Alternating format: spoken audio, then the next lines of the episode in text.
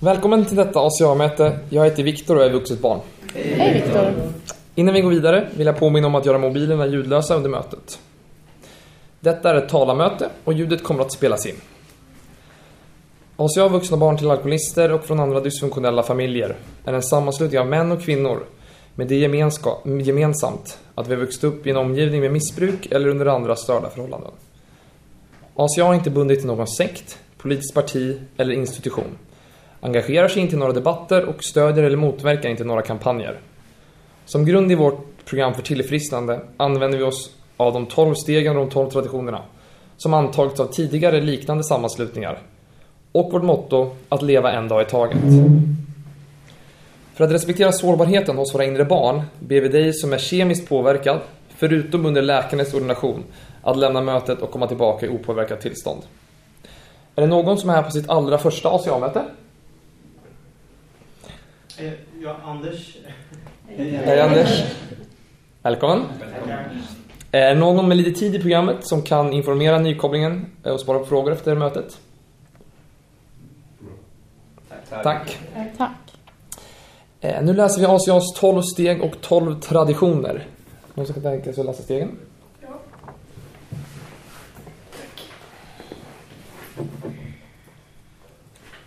Asias 12 steg. 1. Vi medgav att vi var maktlösa inför effekterna av att ha vuxit upp i en alkoholistisk eller på annat sätt dysfunktionell familj och att våra liv blivit ohanterliga. 2. Vi kom till tro att en kraft större än vi själva kunde göra oss till hela människor igen. 3. Vi beslöt att överlämna vår vilja och vårt liv i händerna på Gud sådan vi uppfattade Gud. 4. Vi gjorde en grundlig och ärlig moralisk personlig inventering. 5. Vi medgav inför Gud, oss själva och en annan människa våra fels verkliga natur. 6. Vi var fullständigt beredda att arbeta tillsammans med Gud för att avlägsna våra dysfunktionella beteenden. 7. Ödmjukt bad vi Gud att befria oss från våra brister. 8. Vi gjorde en förteckning över alla de personer vi skadat och var villiga att gottgöra dem. 9. Vi gottgjorde alla dessa människor så långt det var oss möjligt, utom då det kunde skada dem eller någon annan. 10. Vi fortsatte vår personliga inventering och då vi gjorde fel medgav vi det genast. 11. Vi sökte genom bön och meditation förbättra vår medvetna kontakt med Gud så som vi uppfattade Gud, varvid vi endast bad om kännedom om Guds vilja med oss och kraft att fullfölja den. 12. När vi genom dessa steg nått ett andligt uppvaknande försökte vi föra detta budskap vidare till andra och tillämpa dessa principer i alla våra angelägenheter. Tack. Tack. Tack. Någon ska tänka sig att läsa traditionerna? Tack. Asias tolv traditioner. På samma sätt som de tolv stegen leder varje individ i dess strävan till personlig tillväxt och andlig utveckling redogör de tolv traditionerna för gruppens ändamål och principer. Erfarenheten visar att sammanhållningen i ACA är beroende av dessa traditioner. 1. Vår gemensamma välfärd bör komma i första hand. Personligt tillfrisknande beror på sammanhållningen inom ACA. 2. För vårt gruppsyfte finns endast en högre auktoritet, en älskande Gud som må komma till uttryck i vårt gruppsamvete. Våra ledare är endast betrodda tjänare, De styr oss inte. 3. Enda villkor för medlemskap i ACA är en önskan att tillfriskna från effekterna av att ha vuxit upp i en alkoholistisk eller på annat sätt dysfunktionell familj. 4. Varje ACA-grupp bör vara självstyrande utom i angelägenheter som berör andra grupper eller ACA i, hel, i sin helhet. Vi samarbetar med alla andra tolvstegsprogram. 5. Varje ACA-grupp har endast ett huvudsyfte, att föra budskapet vidare till de vuxna barn som fortfarande lider. 6. ACA, vår ACA-grupp bör aldrig gå i borgen för, finansiera eller låna sitt namn till närbesläktade sammanslutningar eller utomstående företag och därigenom riskera att problem med pengar, äganderätt och anseende avleder oss från vårt huvudsyfte. 7. Varje ACA-grupp bör vara helt självförsörjande och avböja bidrag utifrån. 8. ACA bör alltid förbli icke yrkesmässigt, men våra serviceorgan kan anställa personal för särskilda uppgifter. 9. ACA som sådant bör aldrig organiseras, men vi kan tillsätta styrelser och kommittéer för särskilda uppgifter, direkt ansvariga inför dem de tjänar. 10. ACA tar inte ställning i yttre angelägenheter, alltså bör ACAs namn aldrig bli indraget i offentliga tvister. 11. Vårt förhållningssätt till allmänheten grundar sig på dragningskraft snarare än på marknadsföring. Vi bör alltid bibehålla vår personliga anonymitet i förhållande till massmedia. 12. Anonymitet är den andliga grunden för alla våra traditioner och påminner oss om att sätta princip före person. Tack. Nu är det talarmöte eh, och eh, det kommer att pågå i cirka 45 minuter. Sen kommer det finnas tid för frågor och sådär. Eh, så att nu är jag ärad att presentera Jeanette.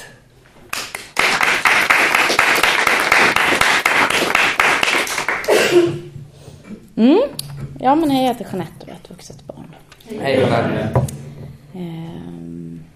Mm. Jag är fruktansvärt nervös att sitta här. Det här är första gången för mig. Ehm. Och eh, jag har gjort en liten inventering som senast för en kvart sedan. Vad är det värsta som kan hända? Ja, men det kan bli jätteförvirrat. Jag skulle potentiellt kunna dö utav hjärtinfarkt, men det är inte så troligt. Eh, och eh, ja, jag sitter ju här för att sprida budskapet vidare. Eh, jag kom till det här programmet för snart 11 år sedan via en medberoende behandling. Jag... Eh, det kändes lite som att ja, det hände ingenting särskilt egentligen. Vi hade haft det jobbigt en längre tid. Och eh, det kändes lite som att jag vaknade upp i vuxenlivet och tittade på mig själv och mm, bara inte visste hur jag skulle kunna fungera. Jag hade olika strategier på eh, jag tittade runt omkring och så här, hur, hur, hur verkar andra få ihop det? Ja, men de verkar tycka att det är kul med, med någon form av fritidsintresse. Ja, men jag, jag kör väl likadant som dem. Liksom. Jag var fullständigt förvirrad. Eh, och kunde inte riktigt eh, förstå varför jag mådde så dåligt. Det var liksom bara tomt. Eh, och hade då i bakhuvudet från många år tidigare att, att eh, det fanns ju någonting som hette medberoendebehandling och jag hade läst en massa böcker, självhjälpslitteratur och sådär och tänkt att det där kanske skulle kunna vara någonting. Och så lyfte jag upp telefonluren och ringde upp. Och då var det en fantastisk kvinna som svarade och frågade hur fort jag kunde vara där. Ehm, och då sa jag att ja, men jag skulle kunna ta bussen om kanske tio minuter, en kvart. Ja, men vi möter dig i vi möter dig i receptionen och så bara langar de fram kontrakt. Det var hur många kontrakt som helst. Jag skulle gå på tolvstegsmöten, jag skulle vara villig att ta tag i det här, jag skulle engagera mig x antal timmar i veckan och sitta på grupper och sådär. Um, och, eh, och där startade min resa in i programmet egentligen. Jag var villig att göra vad som helst för att må bättre.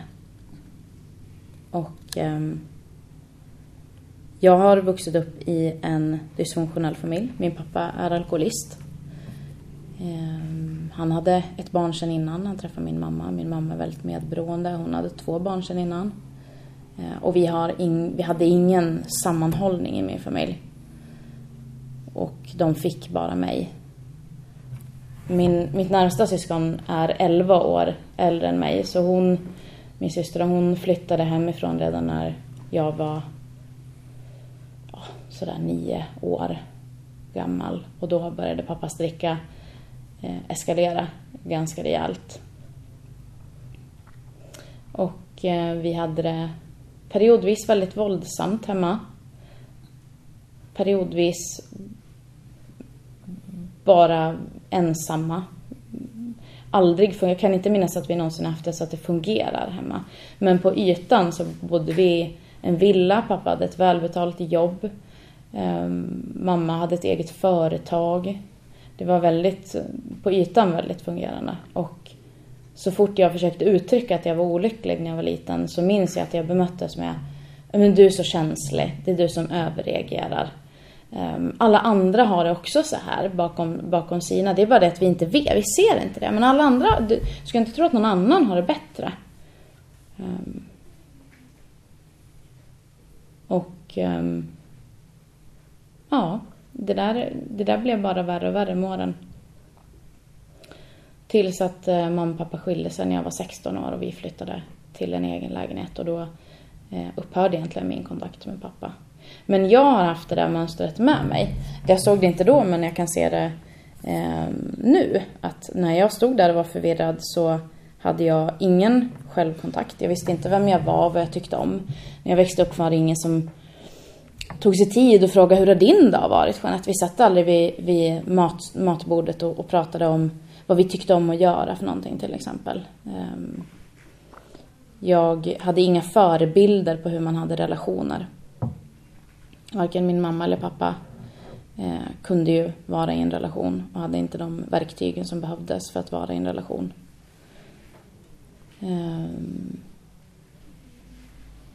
det hade inte funnits tid för mig att, att bygga en, en grundtrygghet. För att mamma var så upptagen att ta hand om pappa och pappa var så upptagen med, med sitt drickande.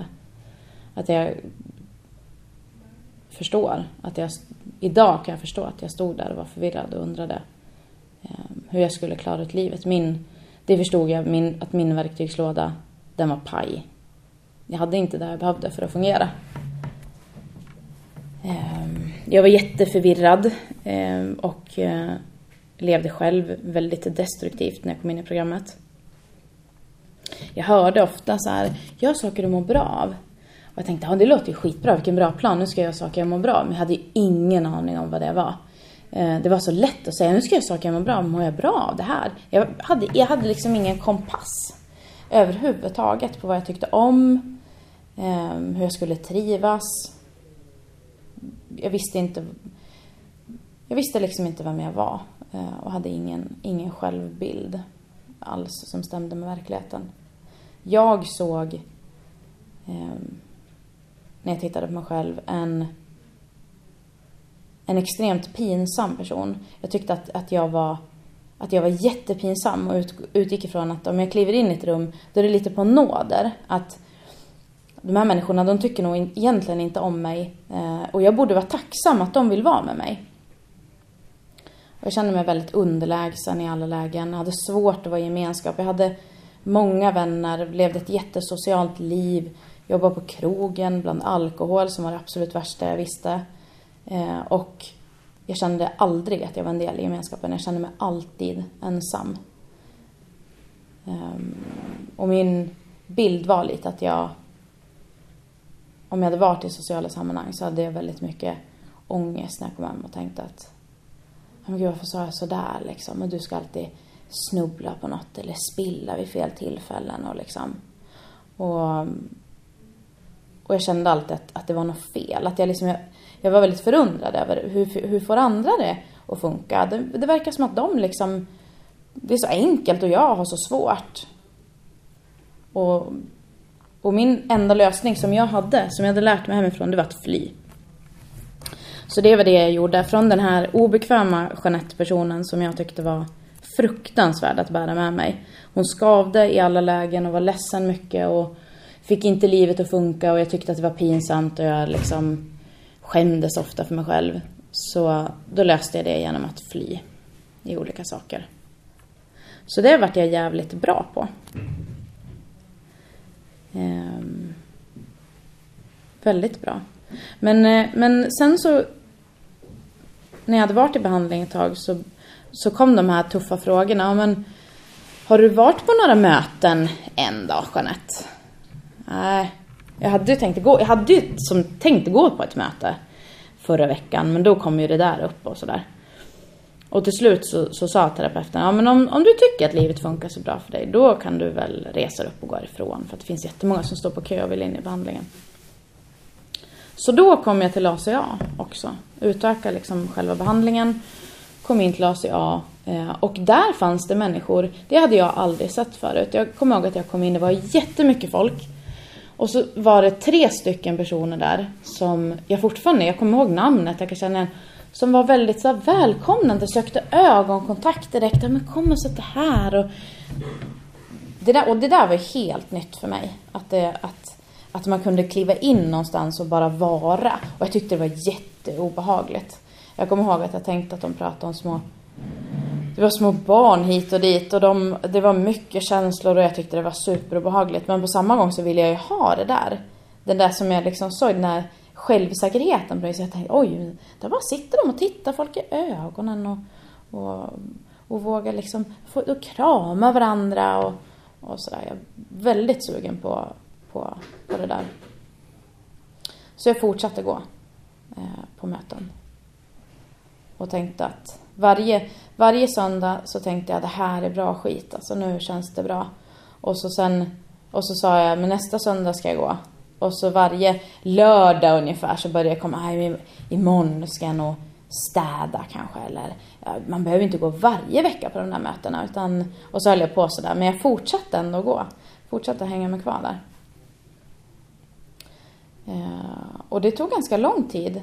Många år av, av det där eh, pendlandet mellan eh, jag vill ju ha det där, jag mår bra när jag går ifrån mötena. Jag tycker det är jävligt orättvist att jag ska behöva gå på den här skiten.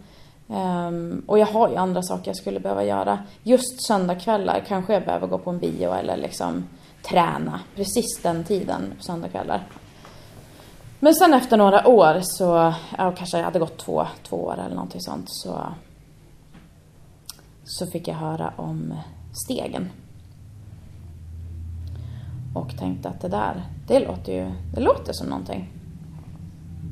Folk pratade om stegen som att de hade varit med i en steggrupp. Och, och där får man nya verktyg och man får jobba igenom lite grejer. Och det var någon som sa vid något tillfälle så här, det, då lättar man på skammen eh, när man har gjort stegen. Och pratar mycket om det där, att, att, att man blir skam, skamfri. Liksom. Jag tänkte det låter ju helt fantastiskt.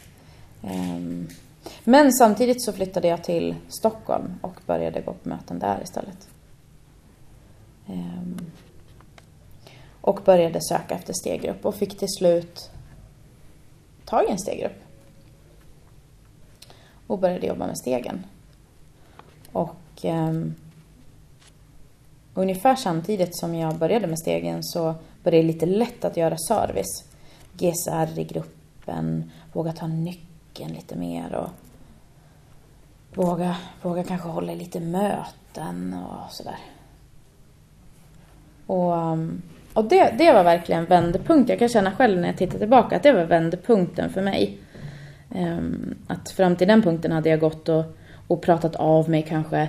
Jag hade byggt upp en, en vilja till att vilja ha någonting annat. Ehm, men det var när jag började jobba som, som, det, som det började hända saker. Och eh, när, jag, när jag gjorde stegen så ehm, tyckte jag att det var väldigt, väldigt skönt. Ibland var jag ledsen och jag kände att jag hade väldigt mycket ilska. Men det var, det var hela tiden genom stegarbetet en, en skön känsla av att jag kommer framåt, att jag var på väg någon vart. Och jag började se saker ur, ur ett annat perspektiv. Och jag började förstå att det finns kopplingar bakåt till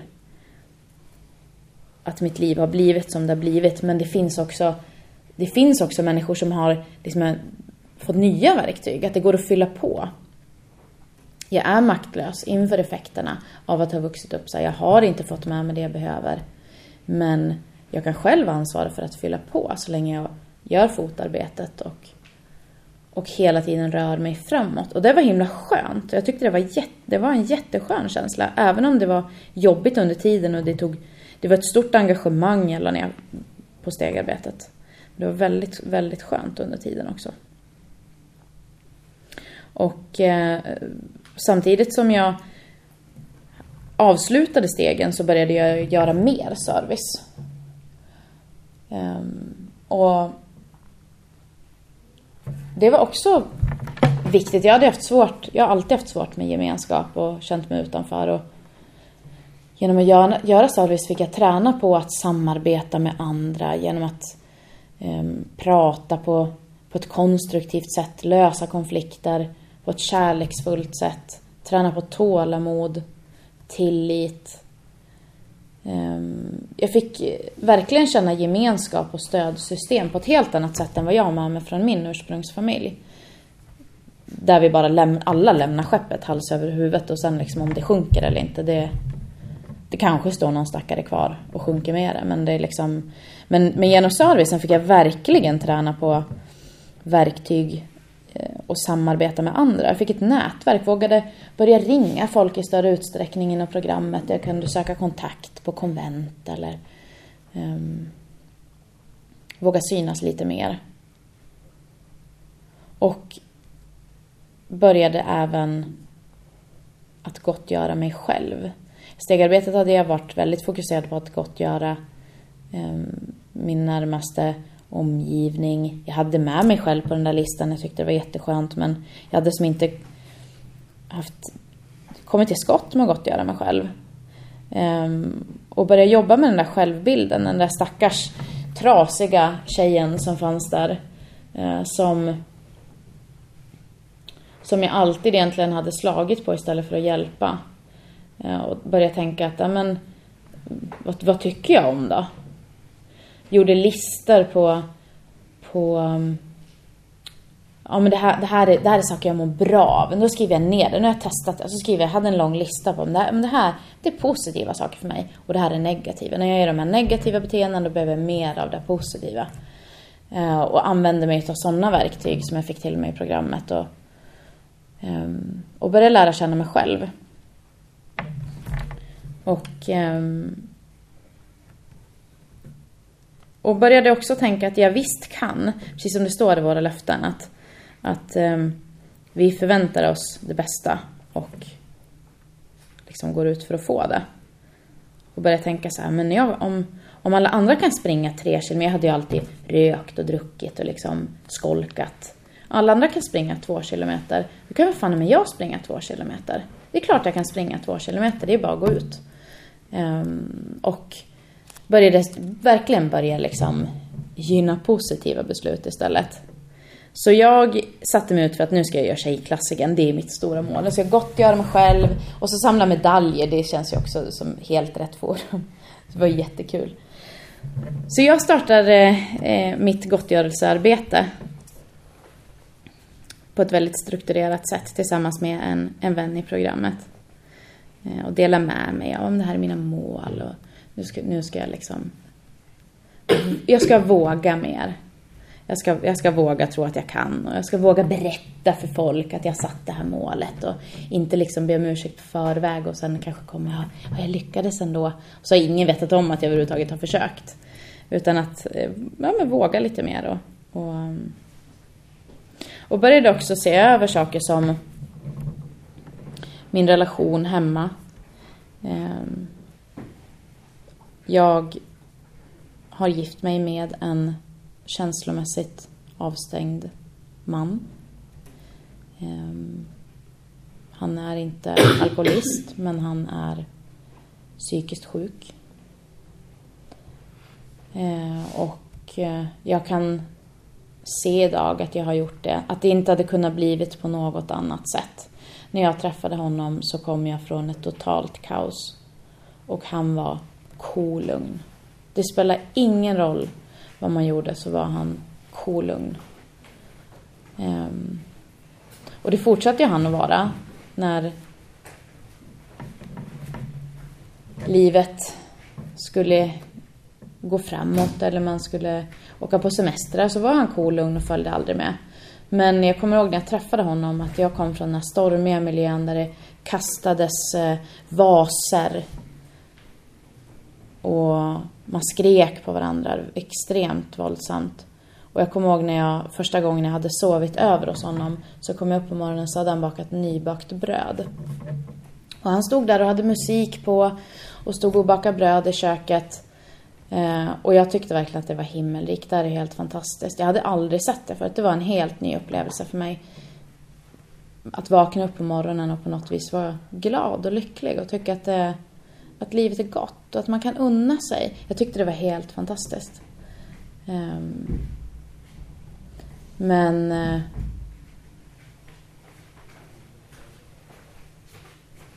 Mm, men det var ju den där avstängdheten. Så ungefär samtidigt som jag började gottgöra mig själv så insåg jag också att, att det här är inte någonting som vi kommer dela i framtiden.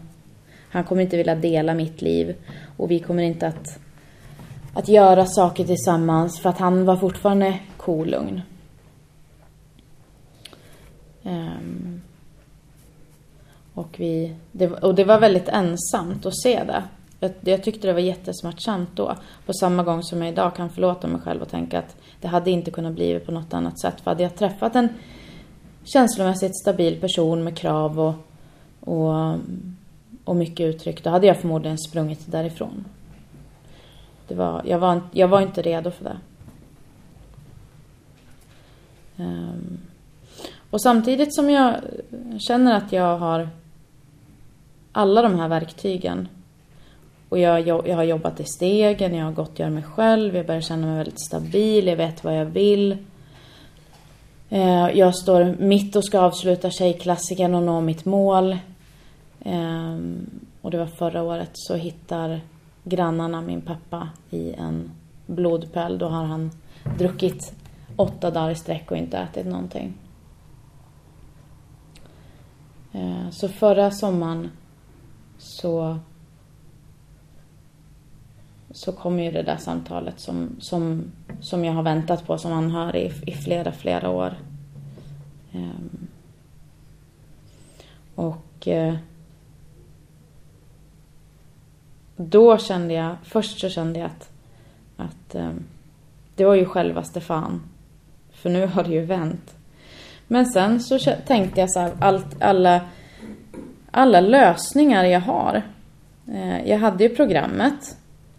Så att jag satt med pappa på Uppsala intensivvårdsavdelning och jag gick varje lunch till Uppsala för där fanns det möten i ett litet kök. Där kunde man gå på möten.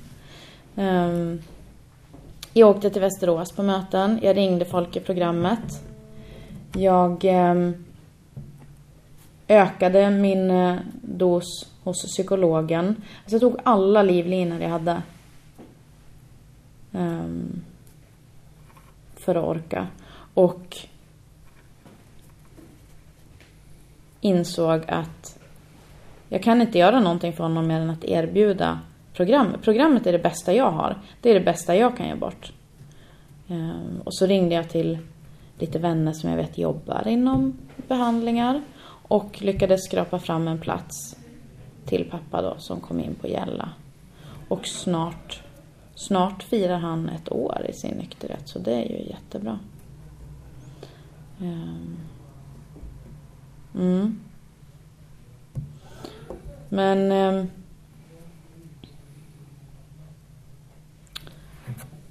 den där krisen fick också...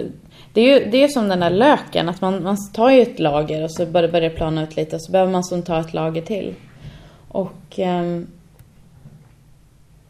för mig var det jätteviktigt tror jag också att se att Um, för jag fick, jag fick en ny innebörd av det här med att vara din egen älskande förälder.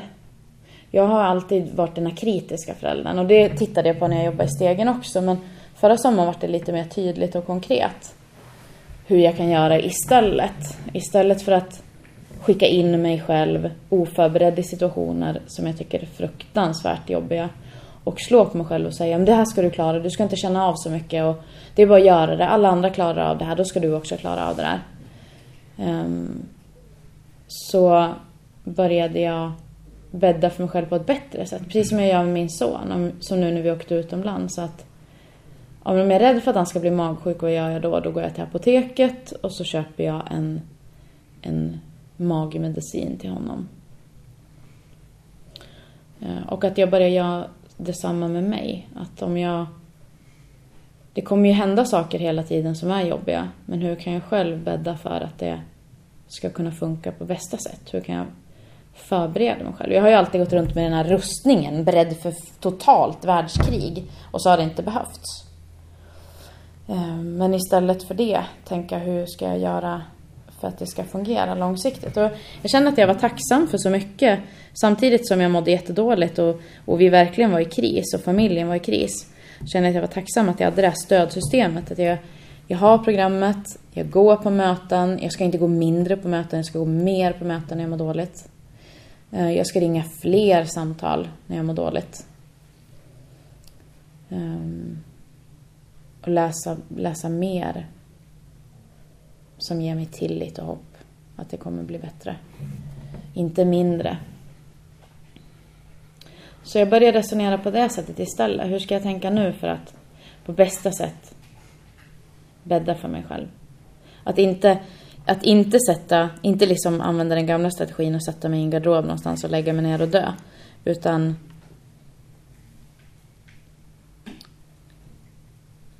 bädda för att det ska bli bra. Och, och det, har varit, det har varit väldigt viktigt för mig att göra det, använda de verktygen. Att om jag ska ha ett jobbigt samtal, se till att det finns, ja, nu, nu om två timmar ska jag gå in och ha ett jättejobbigt samtal eh, med familjen eller med släkten eller med min läkare eller min psykolog. Det kan vara vad som helst. Att jag innan jag gör det kan ringa en kompis och säga jag kommer komma ut klockan fem. Har du tid att prata då? Och att jag har riggat för mig själv för att, för att ta hand om mig själv på bästa sätt. Att bli, verkligen bli min egen älskande förälder. Ehm, det har varit ett, ett jätteviktigt verktyg som, som har funkat väldigt bra det här året. Och eh, jag insåg också i somras eh, att, att jag genom att ha gjort det så har jag Förut har jag alltid tänkt att det, är inte, det är inte rätt läge nu att satsa på mig själv. Eller om det är inte rätt läge nu kanske jag servicear så mycket med det. Eller det är inte rätt läge att börja träna nu eller sådär. Att nu har jag gjort tvärtom. Att jag tänkt att ja, men, om jag engagerar mig i Friskis till exempel och har ett fungerande socialt nätverk. Då kommer det ju hjälpa mig när jag väl Eh, ska göra den här separationen på riktigt till exempel. Jag ska inte vänta till jag har separerat och tänka att jag får mer tid då. För då behöver jag ju ha stödsystemet. Så att jag har liksom vänt på... Ja, jag har vänt på, på, mina, på mina tankemönster. På ett väldigt bra sätt. Med hjälp av mina vänner, ska jag säga. Med hjälp av programmet. Um, och eh, mitt nya mål, det är att jag ska våga mer. Jag har, jag har alltid varit så otroligt rädslostyrd. Ehm, och jag kom på här för några månader, kanske två månader sedan att ja men jag satt med, jag satt med en tjejkompis och satt och pratade. Ja men om jag, tänk, tänk om man skulle kunna träffa någon då eh, som var lite mer utåt, som, som vågar lite mer. Tänk om man skulle kunna träffa någon som kanske vill ut och jogga med mig eller ut och resa med mig. Vad fint det skulle vara. Och vi satt där och spånade och tänkte och drömde om det här över en kopp kaffe liksom. Och jag kände själv att, ah gud vad bra. Och så gick det kanske tre veckor och så tänkte jag så här, ja fast det måste vara väldigt jobbigt för den personen då att vara min draghäst liksom. Att jag kanske jag kanske måste våga det där själv. Och sen, sen kanske jag kan träffa någon. Eh, att det kommer nog inte komma någon, någon magisk riddare och bara komplettera mig så att då blir livet helt. Liksom. Men så har jag alltid resonerat tidigare. Så då tänkte jag så här, ja men nu har jag ju drömt om, om det här med att åka på solsemester utomlands. Det skulle jag ju vilja göra.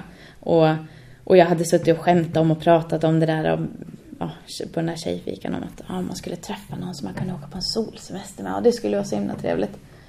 Så bara, nej men vad fan, jag kan väl åka på en solsemester själv.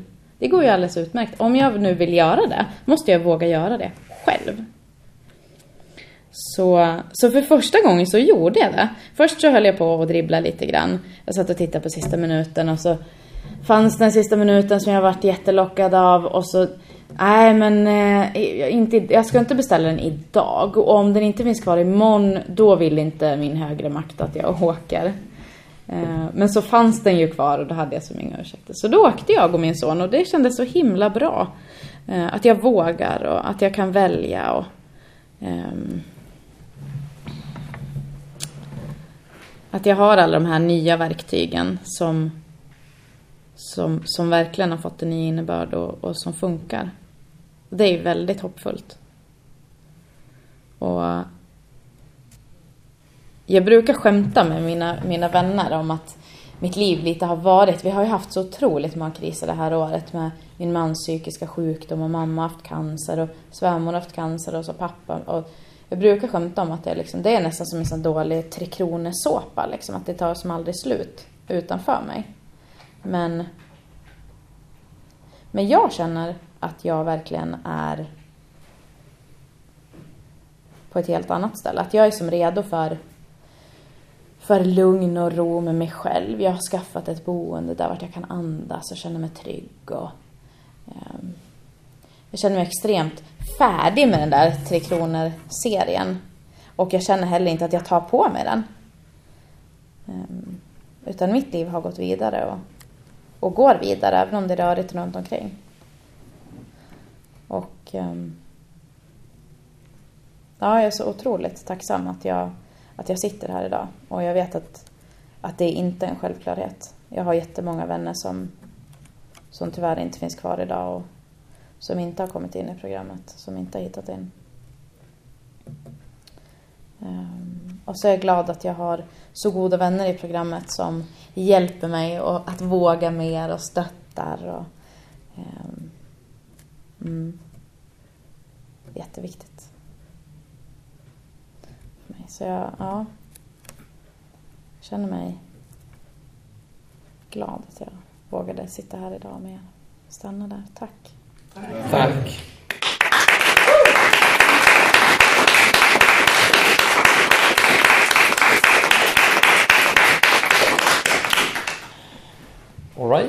Är det någon som har... Tack så hemskt mycket.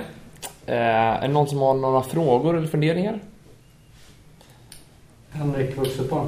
Hej Henrik. Henrik. Tack så jättemycket för din eh, story. Jättefint. Eh, hur jobbar du med stegen idag? Med din andlighet eller med stegen? Mm. Ehm, jag jobbar framförallt med steg 10, 11, 12 regelbundet. Jag gör tian Eh, minst en gång per år. Inventering, alltså daglig inventering. Mm. Så det ska jag säga. Och sen ehm, ja, maktlöshet på morgnarna. Erkänna det. Och bön och meditation. Ja. Och sen har jag två sponsier också som jobbar i stegen så att det blir att jag håller dem levande på det här viset. Mm. Tack. Tack. Pelle, vuxet barn. Hej Pelle. Pelle. Ehm, Jag undrar om, om du har fått din son ehm, efter att du kom in i programmet eller före och hur ditt föräldraskap har påverkats av ditt arbete genom stegen. Mm. Ehm, jag fick min son efter att jag gick med i programmet. Jag hade varit med i programmet ungefär tre år när jag fick min son. Jag gjorde stegen när han var ett år kanske. Alltså liten spädbarn. Så svårt att säga men jag, jag tänker och är helt övertygad om att det hade varit omöjligt för mig att vara förälder på ett bra sätt om jag inte gör programmet. Men det är svårt att säga eftersom jag redan var med i programmet när jag fick min son. Mm. Tack. Tack. Max. Hej Max. Hej Max. Tack så mycket. Jag vet inte om du har lust, men ehm, jag funderar lite på det här med din relation och tror du att ni hade kunnat tillfriskna tillsammans? Eller liksom, hur, hur, hur ser det där ut? Typ ja. um, jag tror absolut att vi hade kunnat tillfriskna tillsammans. Um, men den villigheten finns inte. Så är det verkligen. Och um, vi... Det har, det har inte varit ett... Alltså det har inte varit några snabba vändningar i den relationen heller. Så att det bara har lämnats. Utan det har liksom, vi har pratat och jag är ju väldigt aktiv i programmet. Ehm, så, och har ju kunnat använda det. Men det har liksom inte, det har, inte, det har aldrig funnits en ömsesidighet eller en önskan att någonsin följa med, höra mig tala, dela saker jag gör. Det finns ingen sån ömsesidighet. Så det, jag tror absolut att det hade kunnat funka, men den villigheten finns inte. Och så är det verkligen. Tyvärr. Tack. Inga fler frågor? Frågar ni i pausen sen annars. Eh, bra, då ska vi avsluta mötet. Eh, jag påminner ännu en gång om att allt som har sagts här inne är förtroenden som inte bör lämna detta rum annat än i våra hjärtan. Av det som sagts här idag tar du till dig det du vill och låter resten vara. Till sist vill jag påminna om att vi är självförsörjande och är tacksamma för era frivilliga bidrag. Utom för er som är här för första gången. Vi ber er komma tillbaka istället. Idag går de frivilliga bidragen bland annat till att täcka kostnaderna för detta event. Detta konvent. Alla överskott går till servicegruppen för ACA Sverige. Och om frivilliga bidragen kan man lägga ut det i fikakassan där ute. Ehm, Men innan vi går härifrån håller vi om varandra och läser sinnesrobönen tillsammans.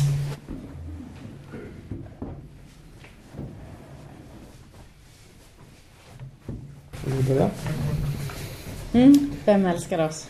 Gud, ge mig sinnesro att acceptera det jag inte kan förändra, mod att förändra det jag kan och förstånd att inse skillnaden. Tack. Tack.